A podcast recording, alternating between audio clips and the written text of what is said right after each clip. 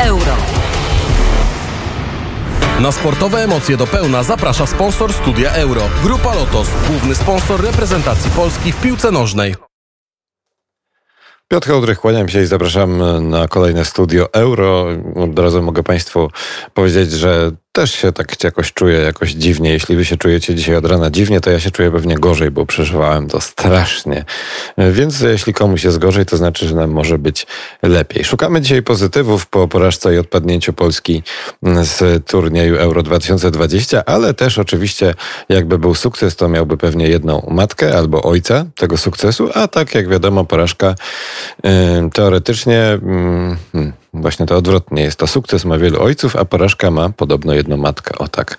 Z tego wszystkiego już się pogubiłem, bo zastanawiam się, czy Zbigniew Boniek jest ojcem sukcesu, bo podobno wszystko idzie dobrze w, w polskiej piłce, czy też prezes Polskiego Związku Piłki Nożnej jest bardziej e, zaangażowany w porażkę i odpadnięcie z turnieju. Pojawiły się głosy, że między innymi prezes Boniek winny jest temu, iż trener Paulo Souza został zatrudniony e, tuż przed turniejem i tak naprawdę swoją rewolucyjną taktykę nie bardzo miał kiedy wprowadzić w życie. No, mm, trudno przeczyć, żeby trener Souza miał jakoś specjalnie dużo czasu, ponieważ pierwszy mecz zagrał, e, uwaga, 25 marca tego roku.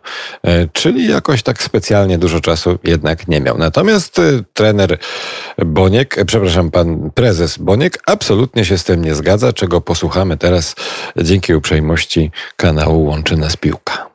Ja tutaj bym się troszeczkę nie zgodził z tymi teoriami, że trener Souza miał mało czasu. Jakby ktoś tak zaczął grzebać w historii polskiej piłki, to Ben Hacker jak został trenerem, Jacek Moch jak został trenerem, Piechniczek jak został trenerem i rozegrali swoje pierwsze mecze. Nie wiem, Gmoch w Porto przyjechał ze Stanów Zjednoczonych, Piechniczek na Stadionie Śląskim e, z NRD i Ben Hacker, można powiedzieć, po kilku, po kilku dniach, to nie wydaje mi się, żeby mieli mniej czy więcej, mniej czy więcej e, czasu. No jak Państwo słyszeli, prezesowi się wy wydaje, że nie mieli więcej, więcej czasu panowie Gmoch, Piechniczek i Ben Hacker, a jak wiadomo najgorzej jak coś się komuś wydaje. No otóż pan prezes Boniek powiedział i od razu dziennikarze sprawdzili. Okazało się, że trener Ben Hacker y, zagrał pierwszy mecz 22 miesiące przed Mistrzostwami Europy, także prawie dwa lata wcześniej swój pierwszy mecz rozegrał z kadrą trener Gmoch, y, a trener Piechniczek y, objął kadrę także zadebiutował 25 marca 1981 roku, e, czyli miał 15 miesięcy do Mistrzostw Świata przynajmniej. Czyli już się prezes Boniek rypnął, można powiedzieć, ale mimo wszystko mm, te argumenty są niezbywalne ponoć. Posłuchamy teraz fragmentu konferencji mm, prasowej, właśnie której, której całość możecie posłuchać na kanale Łączy Nas Piłka i obejrzeć. Jan Błaszkowski, e, redaktor Jan Błaszkowski z TVN zadaje e, pytania, odpowiada, o ile to są odpowiedzi, prezes Polskiego Związku Piłki Nożnej Zbigniew Boniek. Uwaga, warto, warto teraz naprawdę chwilę posłuchać, jak wygląda e, dyskusja na konferencji prasowej pana prezesa. Jakie konkretnie błędy pan popełnił, które przyczyniły się do tego, że reprezentacja jest w tym miejscu, w którym jest? Czy może pan powiedzieć, które pana decyzje były niewłaściwe i do tego się przyczyniły?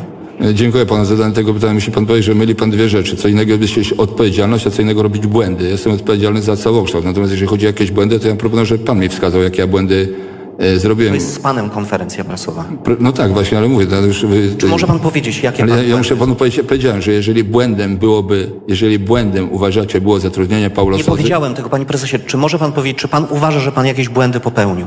Ale nie, nie, naprawdę, naprawdę muszę panu powiedzieć, nie bardzo rozumiem panu o co chodzi. Widzę, że chciałby pan wejść do takiego rozumowania, że jeżeli coś się zakończyło i coś się zakończyło nie tak, jak być powinno, to znaczy, że ktoś popełniał błędy.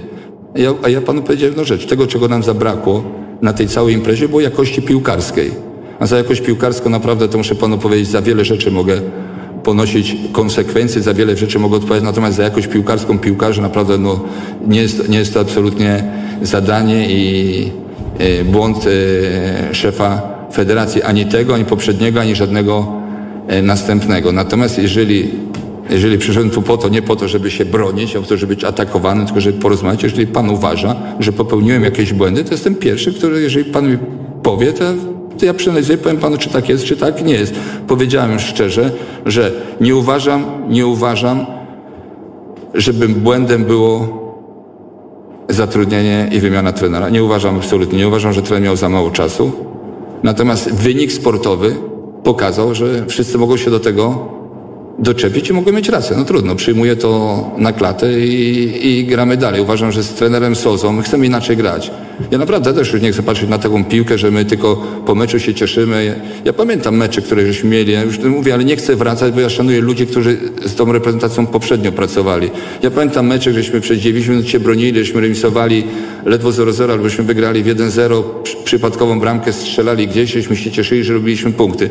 Ja już takie piłki nie chciałem widzieć, wy nie chcieliście widzieć, kibice nie chcieli widzieć, w związku z tym chcieliśmy pójść w drugą stronę. Ktoś decyzję musi podejmować. Ja uważam, że decyzję o zatrudnieniu selekcjonera musi podejmować prezes Polskiego Związku Piłki Nożnej. Czy to obecny, przyszły, za kilka lat. Zawsze ktoś musi być odpowiedzialność indywidualna. Ja taką decyzję podjąłem, bo miałem szereg składowych, które mnie takiej decyzji e, zmusiły. Jeżeli pan uważa, że to jest błąd, no to, to po prostu był to mój, mój błąd. Trudno. Błędy w życiu się zdarzają, a w sporcie przede wszystkim. Przyznam Państwu szczerze, oczywiście całość tej konferencji na kanale łączy nas piłka Polskiego Związku Piłki Nożnej i polecam Państwu szczerze e, w wolnej chwili kiedyś, e, kiedy akurat stracicie łączność z Radiem Wnet sobie posłuchać mm, e, tejże konferencji, tudzież obejrzeć, bo jest bardzo ciekawa. Ja nie zrozumiałem z tej wypowiedzi Pana Prezesa, czy popełnił jakiś błąd, czy nie. Dziennikarz też poproszony o to, żeby wskazał błąd, nie wskazał błędu. Moim zdaniem zrobił to dość, dość dobrze. Mm, także no mm, co ja mogę Państwu powiedzieć? Wszyscy słyszeliśmy mm, o co chodzi i skoro już wiemy, że nie, nie było błędów, to była tylko niska jakość piłkarska, no to możemy się już nie denerwować i w kolejnym studiu Euro wrócić już sobie do tego, co się będzie działo na tym turnieju i trochę już odpocząć od tego tematu naszej tak zwanej repry.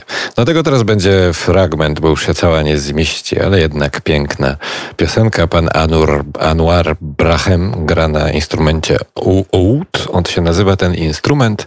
Mm, no i Państwo posłuchałem, jak pięknie koi nerwy i komentuje wszelkie konferencje prasowe.